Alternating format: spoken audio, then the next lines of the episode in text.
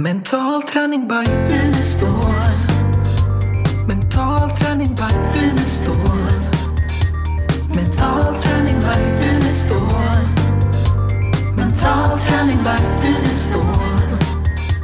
Hej och välkomna till ett nytt poddavsnitt. Mental träning by Unestål. Idag har vi letat fram Lars-Erik igen så han är med här i studion och Malin är med. Eh, idag blir det spännande. Vi ska prata om smakfaktorerna bland annat och svara på någon fråga. Ja, vi har ju en fråga med oss sen förra gången när, när Niklas skickade in och ville reflektera lite med dig Lars-Erik kring eh, Sverige och Portugal i U21-EM. Och han målade upp scenariot, tänk om portugiserna också hade tränat mentalt på exakt samma vis som svenskarna. Då hade det varit två lag som bara hade slagit in sina straffar med ett leende.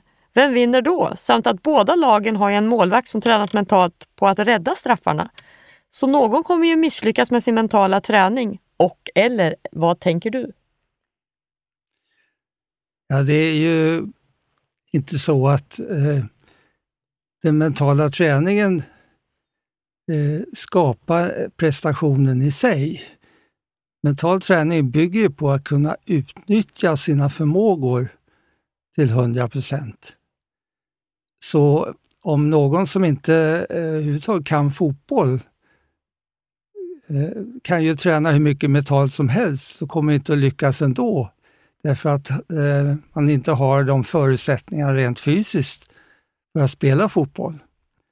Så eh, det är ju bara det att mental träning gör då att man kan utnyttja den förmåga som man har till 100 procent. Det är ju ofta så att eh, eh, varje idrottare kan prestera olika bra. Vi ser ju hur prestationen varierar från gång till gång hos nästan alla idrottare. Det är nästan aldrig någon som är helt jämn i sin prestation under hela sitt liv och i alla tävlingar. Utan det kan gå upp och ner och det går upp för, mera för en del, det vill säga upp och ner mera för en del. Eh, och därför talar man ju till exempel i fotboll om att ha sin en bra lägsta nivå. Man vet att eh, de lag som varierar för mycket, de kommer att förlora mycket på att eh, när de spelar dåligt så, så tappar de mer än när de spelar bra. Så att bli mer jämn har ju varit en, eh, ett mål inom idrotten och där eh, har ju mentala träningen stor betydelse. Att den, den kan hjälpa någon att komma ifrån de här dalarna. Och Det har lite att göra med att alla som sysslar med idrott upplever ju vissa situationer, vissa eh, tillstånd där man fungerar på toppen och det är när man har flyt. Eh, och därför vill ju alla idrottare ha flyt varje gång. Mm. Men eh, jag tror jag nämnde i samband med, när vi talade om historien, att när jag började jobba med landslagen så frågade jag då hur ofta man hade flyt och alla sa ju då inte tillräckligt ofta, utan det kommer då och då och tyvärr vet jag inte om när det kommer och jag kan inte göra någonting för att få det att komma. Och när det kommer så kan det försvinna lika fort. Och sen sa, man, sa de ju det som eh, gjorde att jag började likställa flyt med eh, det mentala rummet som vi jobbar med i mental träning. Det här hypnosliknande tillståndet. Eh, man sa nämligen att eh, när jag har flyt så vet jag inte om att jag har det förrän efteråt. Och när jag, eh, om jag blir medveten om att jag har flyt, då försvinner det. Så Det var alltså så att flyt är ett alternativt medvetandestånd som står i motsats till vara vanliga medvetandet när man funderar och tänker och vill saker och försöker få saker att komma. Medan när man har flyt, då, då händer saker av sig själv. Eh, allting läggs till rätta. Man kan göra prestationer som är bättre än man gör vanligtvis och ändå vara mindre trött. Och man känner en annan form av kontroll. Man behöver inte viljemässigt försöka få saker att komma. Det verkar som allting läggs till rätta. Och det är också så att eh, perceptionen förändras när man har flyt. Eh, precis som i alternativa medvetandeformer. Det vill säga att eh, när man, eh, om man sysslar med snabba idrotter så kommer tidsupplevelsen att förändras under eh, flyt. Och det gör att eh, man börjar uppleva då prestationen eller idrotten i slow motion. Och det är speciellt viktigt när det gäller snabba idrotter. Jag har sett väldigt eh, fina effekter hos eh, de som sysslar med motorsport, som Janne Alriksson jobbar med. Genom att man kan minska ner farten psykologiskt. Och åker man då i 300 kilometer av närmaste bil någon meter ifrån, då är det ju oerhört viktigt att uppleva slow motion då får man mer tid att göra det man behöver göra. Eller utförsåkning och så vidare. Eller eh, en annan förändring av perceptionen är att eh, föremålen blir större. Mm. Och då så finns det ingen eh, chans att missa golfhålet därför det kan vara stort som ett spann och så vidare. Så att allting läggs till rätta för att fungera bra. Och det tillståndet kan jag inte men jag tror Niklas är övernöjd. Han fick en ja. jättereflektion där. Men om vi ja. sammanfattar Niklas eh, funderingar så, så är det ju många faktorer som, som påverkar eh, om, om man spelar bättre eller sämre. Ja, och eh, det innebär ju då att eh, eh har någon flyt så lyckas man bättre. Mm. Ja. Och därför var det viktigt att jobba med med eh, mental träning för att åstadkomma flyt. Så det är ett syfte med den mentala träningen, att skapa det tillstånd som gör att man fungerar som allra bäst. Ta bort det som hindrar en på egentligen. Ett mindre, och det, det har ju att göra med att eh, man definierar då mental träning på rätt sätt. Säger man att mental träning, som vissa gör, är en kognitiv träning, och det, då definierar man ju mental träning fel och då kan det snarare bli sämre om man tänker för mycket. Eh, så ja, att, precis. Så att, eh, det är ju viktigt också hur man definierar mental ja. träning. Och det gör ju att, men om bägge två har tränat mentalt, mm. då kommer ju, eh, då kommer ju deras andra förmågor att komma in och avgöra vem det är som vinner. Kan det till och med vara så att om vi har två fotbollslag då, som spelar mot varandra och eh, har tränat mentalt, kan det, bli, kan det vara så? Finns det fin, finns någon möjlighet att spelet blir annorlunda eller att man till och med berömmer sina motståndare som kanske vinner över ändå? För att man har ett mindset där, där man ser att shit, de spelar ju skitbra idag. Ja, alltså det är ju eh, i den mentala träningen ligger ju att eh, fokusera på det som man kan kontrollera. Mm. Och det gör ju då att eh, är man mentalt eh, tränad, då tittar man mer på sin prestation och inte på utfallet. För den som vinner, det kan bero på tillfälligheter, ja. stolpe in eller stolpe ja. ut och så. Utan det blir mer att man tittar på antal avslut och hur man har spelat. Och är det då så att man vinner trots att man har spelat sämre än motståndaren, då, då ska man ju berömma motståndaren för ja. sitt spel. Och är det så att man eh, spelar bra men motståndaren vinner därför att det är tillfälligheter, ja då kan man ju eh, vara nöjd med sitt spel i alla fall. Ja. Så att eh, man fokuserar mer på det som man själv kan kontrollera Mm. och inte på eh, det som är mera slump och tillfälligheter. Härligt! Då lämnar vi den eh, frågan och går över till eh, Något smakligare. ja, smakfaktorerna som eh, det, jag tror att du forskar på det och kom fram till eh, vissa faktorer som var framgångsrika. Så det är ju ett eh, varumärke som vi har som heter Smak. Mm. Då släpper vi loss dig Lars-Erik, får vi höra vad, hur du kom fram till det här. Ja, jag hoppas du är med och kommenterar också. Japp. ja, alltså målet för den mentala träningen, det var ju det att hjälpa oss människor att på två områden, fungera bra och må bra.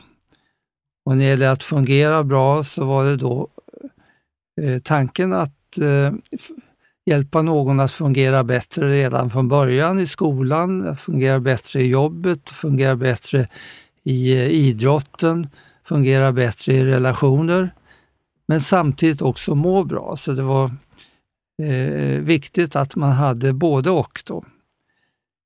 Eh, men i samband med just det här med att eh, fungera bra då, eh, och må bra, då kom ju det här ordet framgång in. Eh, Och frågan var, eh, vad är då som är framgång? Vad innebär det att eh, känna att jag har ett bra liv? Och, eh, och därför börjar jag fråga människor, vad menar du med framgång? För att få en uppfattning om då vad den vanliga uppfattningen var. Och eh, det vanliga då, eh, eller jag började med att fråga, ge mig fyra, nämn fyra människor som du tycker har haft framgång. Och då visade det sig att då tog man ofta personer som var kända för någonting, att de hade gjort någonting bra. De två vanligaste namnen då, det var Björn Borg och Ingmar Stenmark. Eh, och sen fanns det några exempel från eh, till exempel näringslivet med Janne Karlsson och eh, ja, eh, Gyllenhammar och så. Mm. Det är aldrig någon politiker med, men bland de här fyra så var det framförallt idrott och näringsliv man tog då. Men sammanfattningsvis var det människor som då hade lyckats med någonting. Och då tänkte jag, men då skulle man kunna undersöka idrotten eftersom jag hade börjat jobba med de olika landslagen då på början 70-talet. Tänkte jag, ja men då skulle man kunna titta på vad har de då som andra inte har? Förutom de rent eh, idrottsliga förmågorna. Mm. Eh, Så därför tittar jag på olika landslag och tittar på de som inte var lika duktiga och testade dem i en rad olika hänseenden. Och då fick jag fram fyra faktorer som skilde. Och det var självbilden, hur ser jag på mig själv?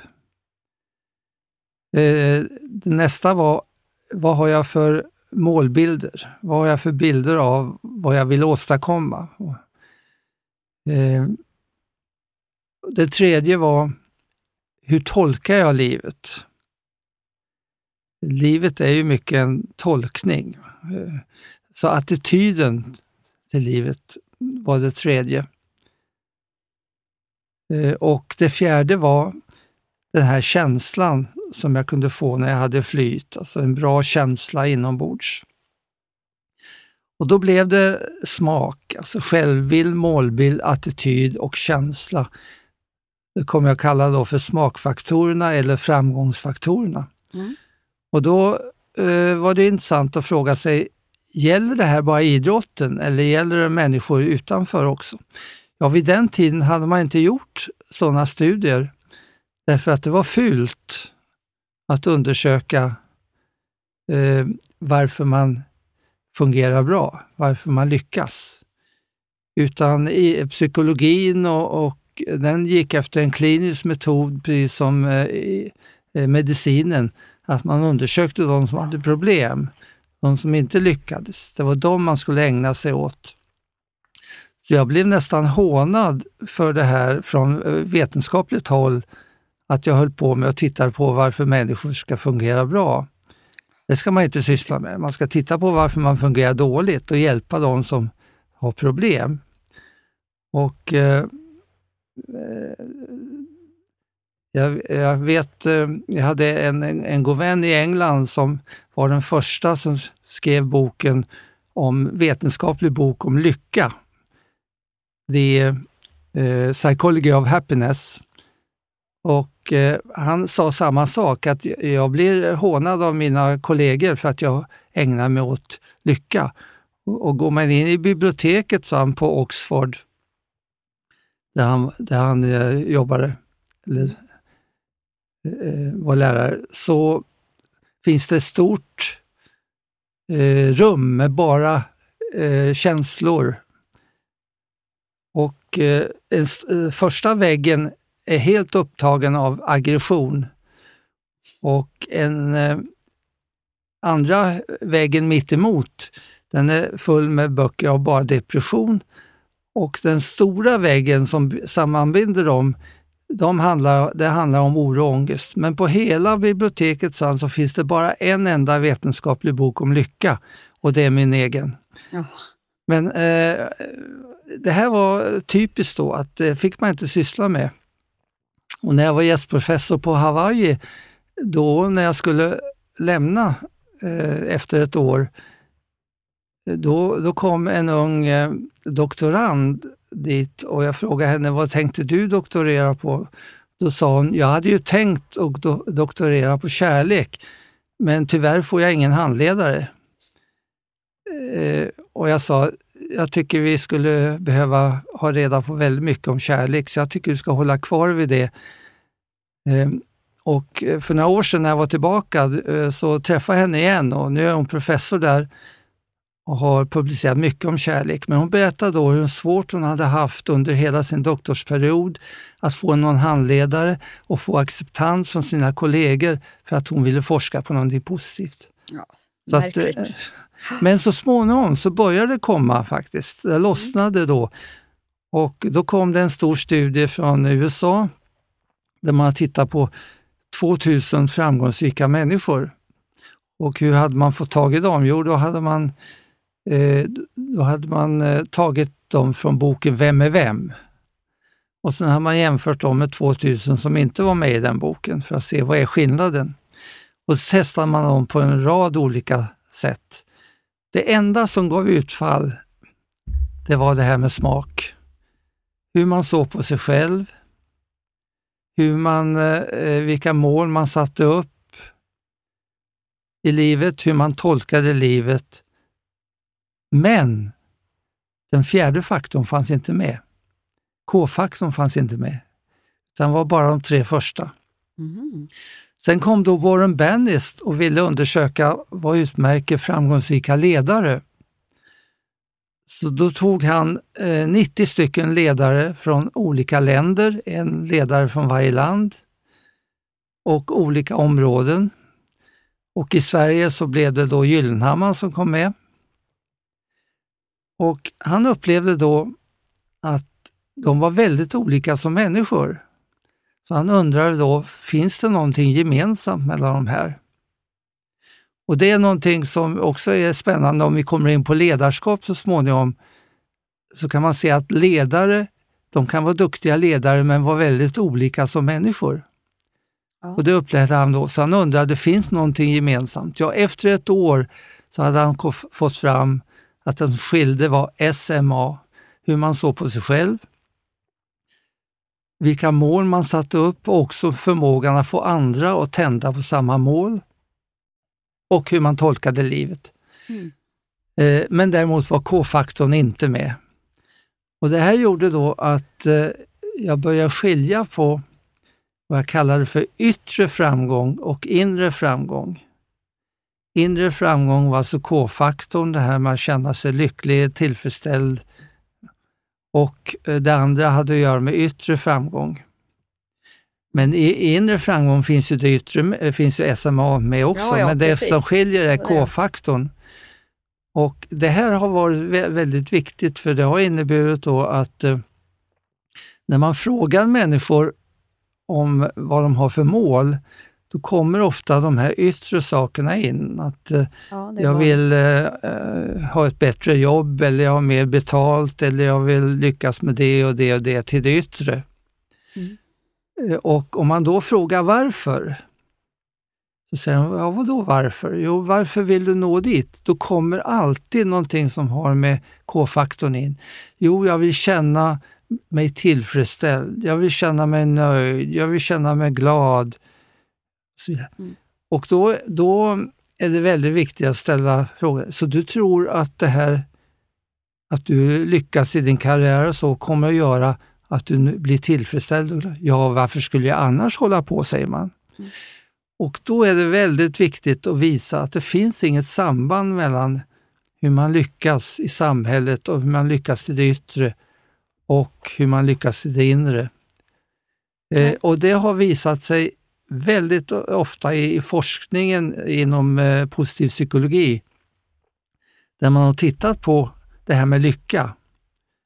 Man gjorde en studie vid Harvard eh, där man frågade ett antal framgångsrika människor, så kallade framgångsrika, då, eh, hur de såg på sitt liv. Och så sa många av dem, ja om eh, jag fick leva om mitt liv så skulle jag nog önskat att jag inte hade blivit så här framgångsrik och rik. Och då frågar man ju varför det? Ja, på första plats kom det här med eh, ensamhet. Ja, men du har ju massor av vänner omkring dig. Ja, vänner, det förstår nog du också att det är inte egentligen vänner. De är här för mina pengars skull och inte för min skull. Det andra var svårigheten att motivera sig. Man hade nått så många mål att det var svårt att sätta upp nya mål som motiverade. Och det tredje var just det här att man inte hade nått den här känslan av tillfredsställelse och glädje som man trodde att framgången skulle ge. Jag frågade politiker år 2000, vad har målet varit för Sverige? Och då sa man eh, naturligtvis att ja, målet har ju varit att bygga upp ett bra samhälle, ett folkhem, en bra välfärd. Mm. Och då ställde jag just frågan varför? Vad då varför? Ja, vad är syftet med det då? Och då kommer till slut, ja syftet är ju att människor ska känna sig tillfredsställda, nöjda och glada. Ja, men är det inte dags att ta reda på om det blir så? Och då gjorde vi en enkel undersökning där vi tittade, jämförde 1950 med år 2000. Och på de mått vi hittade så visade det sig att välfärden hade gått upp dramatiskt. Välbefinnandet hade gått ner. Både när det gällde sjukskrivningar, när det gällde, vi tittade på till exempel hur många tonåriga grabbar har huvudvärk. Det var fyra gånger fler grabbar eh, år 2000 än 1950. Man skrattade mycket mindre år 2000 än man gjorde 1950 och så vidare. Så på en rad mått som hade med välbefinnande att göra så visade det att det hade gått ner. Och då måste man ju ställa om och säga att om man då vet att det här jobbet för att lyckas till det yttre inte leder till att jag lyckas till det inre, är det då dags att skilja på de sakerna och säga att då kan jag börja jobba med det inre på en gång. Och Det är därför vi försöker få in den mentala träningen så tidigt som möjligt i livet, för att också få en inre framgång mm. som finns med från början. Och då lyckas man också lättare med det yttre. faktiskt. Därför då får man en annan attityd till livet. Man är inte beroende av det yttre för att försöka få någonting som man redan har. Ja, och då blir det ju mer den här balansen mellan det interna och externa. Ja, visst. Så att eh, det var eh, väldigt viktigt att eh, skilja på de sakerna också. Jag kommer ihåg när, ja, men innan jag började med mental träning, så då var det ju väldigt mycket att eh, göra saker som andra kunde se. Mm. Och fick när man då fick beröm, eller jag fick beröm att oj vad bra du gjorde det där och du, du kan det och det. Då kändes det ju, då fick jag en bra känsla.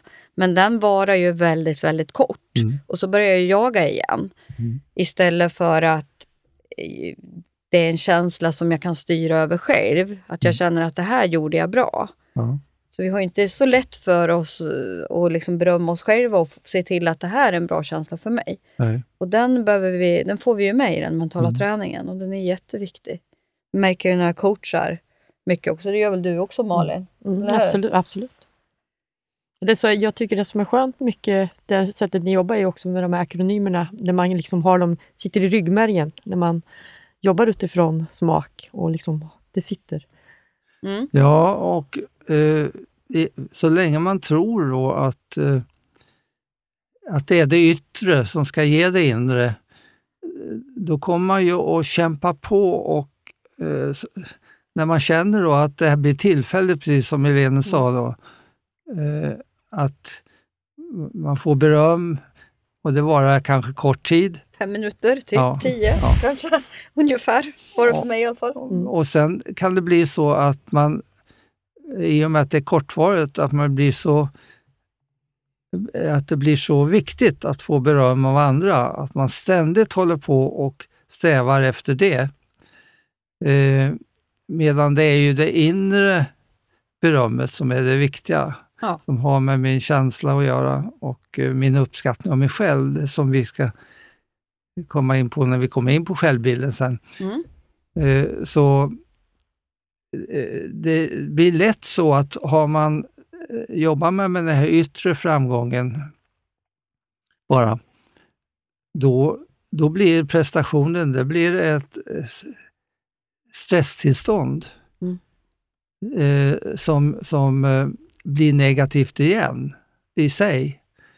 Medan om man har den inre framgången klar och Ja, jag- gillar sig själv, Jag tycker det här med självkänsla också, när man vänder på ordet, att känslan i och av mig själv. Alltså Mm. det, när man vänder på det ordet så blir det också ännu tydligare av, av vikten av känslan.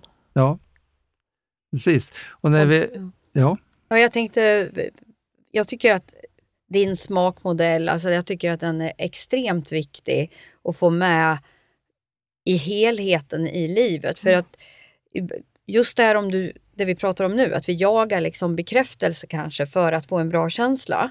Mm. Eh, Det är ju liksom en omedveten strategi som många har och man tänker kanske inte på vad är det jag håller på med. Mm. Och är då målen att man bara sätter externa mål utanför mig själv till höger och vänster bara för att jag ska få en bra känsla? Och målen kanske jag inte ens vill nå, då, då blir ju det en ytterligare negativ effekt av det hela. För att någon kanske har sagt att jag behöver nå det här må- målet, men jag kanske inte har tänkt till och, och checka av med mig själv att vill jag verkligen nå det här målet?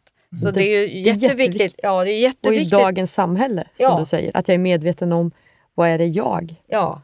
Så att Ja. det här blir ju viktigt när vi går igenom varje smakfaktor. Mm. Hur viktigt det är att, att målet är mitt eget och att jag har säkerställt att det här följer min personliga vision och att jag vet vad det är jag vill uppnå. mm, och kärnvärdet. Och kärnvärdet, att det liksom hänger ihop alltihopa.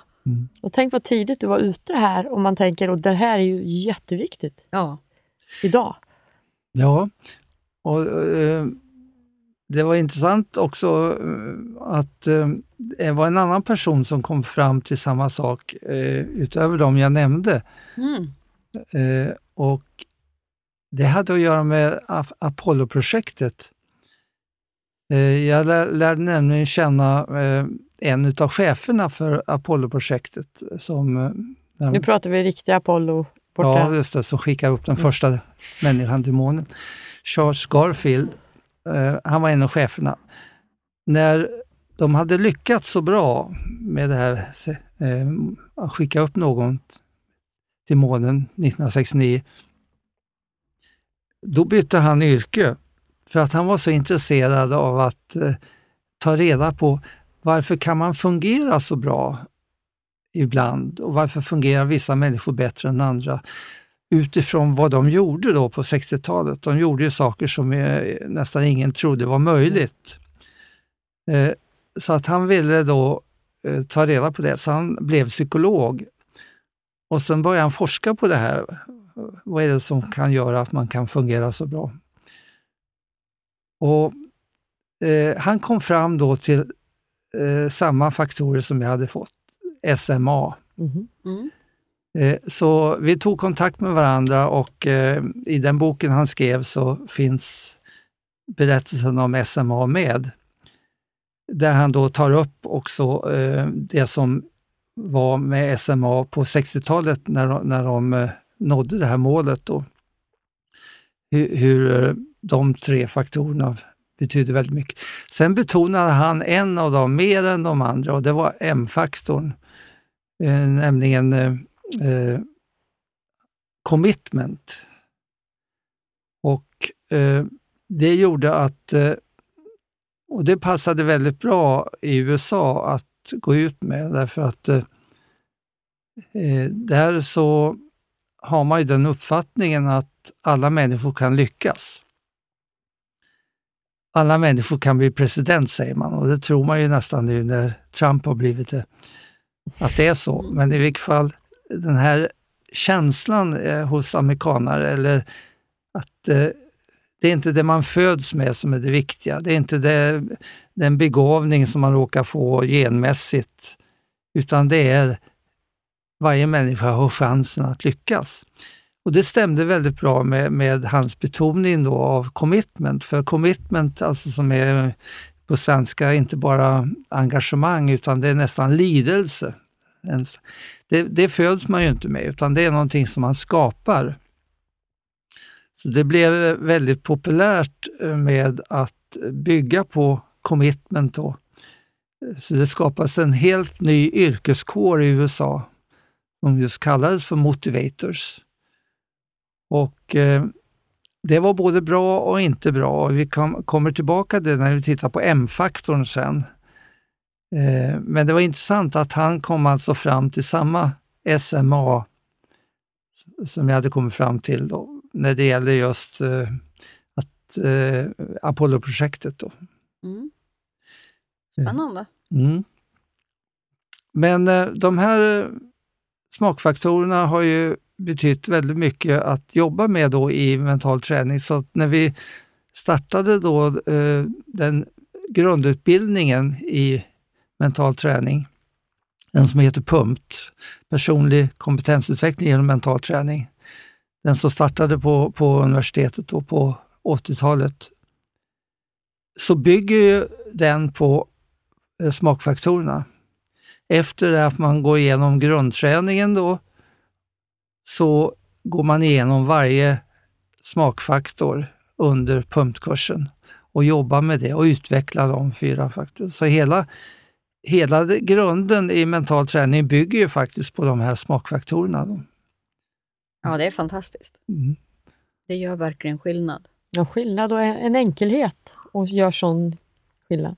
Och här Ja. kommer vi ju åt, återigen tillbaks till hur viktigt det är med, med den här träningen. För du, du, du fixar ju inte bara den bästa självbilden rakt upp och ner eller bara kastar ur dig ett mål, utan det, det är ju en process som man behöver träna. Mm.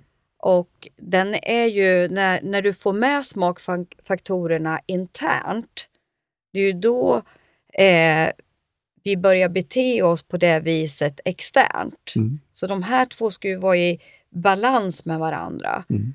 För att har jag en, en, ett mål som jag vill nå och sen har jag en självbild som är negativ som säger ja men du är värdelös Helene och du klarar inte av att nå det där målet internt.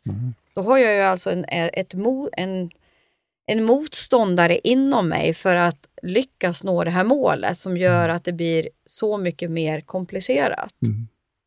Och det, ja, men det Ja, ser vi precis. ju till exempel i fotboll. Ska någon eh, lägga en straff till exempel och har en bild av sig själv att jag kommer att missa, det här går åt skogen och det här klarar jag inte av. Mm. Men målet är att jag ska sätta den. Mm. Det är klart att det blir inkongruens i hela systemet, kroppen då. Precis. Och eh, just det här med träningens betydelse eh, och att man definierar då mental träning på rätt sätt. om man, vi pratade förra podden om eh, några som hade missuppfattat vad mental träning var. Mm. Och kallar man det kognitiv eh, istället för mental, då, då blir, kan det bli tvärtom. Ja. För att eh, börjar man till exempel försöka ändra sin självbild och tänka på att nu vill jag eh, tycka annat om mig själv, det händer ingenting. Nej. Utan det kan snarare bli tvärtom. Man blir ännu mer eh, frustrerad för att man inte kan åstadkomma tankemässigt det som man vill. Och Precis. Eh, därför så är det så viktigt att man inte eh, tar bort definitionen av mental träning och kallar det för någonting annat, för då kan man Nej. bevisa vad som helst. Ja. Utan den mentala träningen bygger på att faktorer som man inte kan ändra tankemässigt eller viljemässigt kan man ändra med mental träning. Precis. Självbilden, eh, som du säger, mm. som vi kommer in på nästa gång, då, den, eh, den eh, kan man inte den kan man inte ändra genom att försöka eller bli coachad i eller quick fix. Nej. nej. men det funkar inte på Utan det viset. Det, det måste komma inifrån. Ja. Och, så att eh, den mentala träningen som bygger på att man jobbar med en sak under en längre tid, den bygger på samma principer som fysisk träning. Att ja. Man ändrar inte någonting genom att eh, eh, jag tror vi nämnde i, i bakgrunden då att exempel då från att eh, har man dålig kondition så blir det inte bättre om att läsa tio böcker om kondition. Man kan vara professor i kondition och ha dålig kondition själv. Det är en stor skillnad mellan kunskap och kompetens. Ja. Och ska man bli kompetent i livet, då fordras det ju att man tränar. Och då kommer mentala träningen in. Så man ändrar inte saker genom kunskap eller vilja eller tankemässigt, utan man tränar på ett helt annat sätt i, i den mentala träningen. Yes. Just det! Yep. Ja, då börjar tiden eh, dra ihop sig igen nu då. Ja. ja. Jag, jag lyckades stänga av telefonen utan att ni märkte det. Ja, det var bra jobbat. det var bra gjort. okay. eh, och som vanligt, har ni några frågor så skriver ni in till fragor.unestal.se. Yes. Mm. Ja. Då. då hörs vi nästa vecka. Ha det så bra. Hej då. Hej då. Hej, hej honningbacken är stor. Mentalt honningbacken är stor. Mentalt honningbacken är stor. Hey, hey, hey.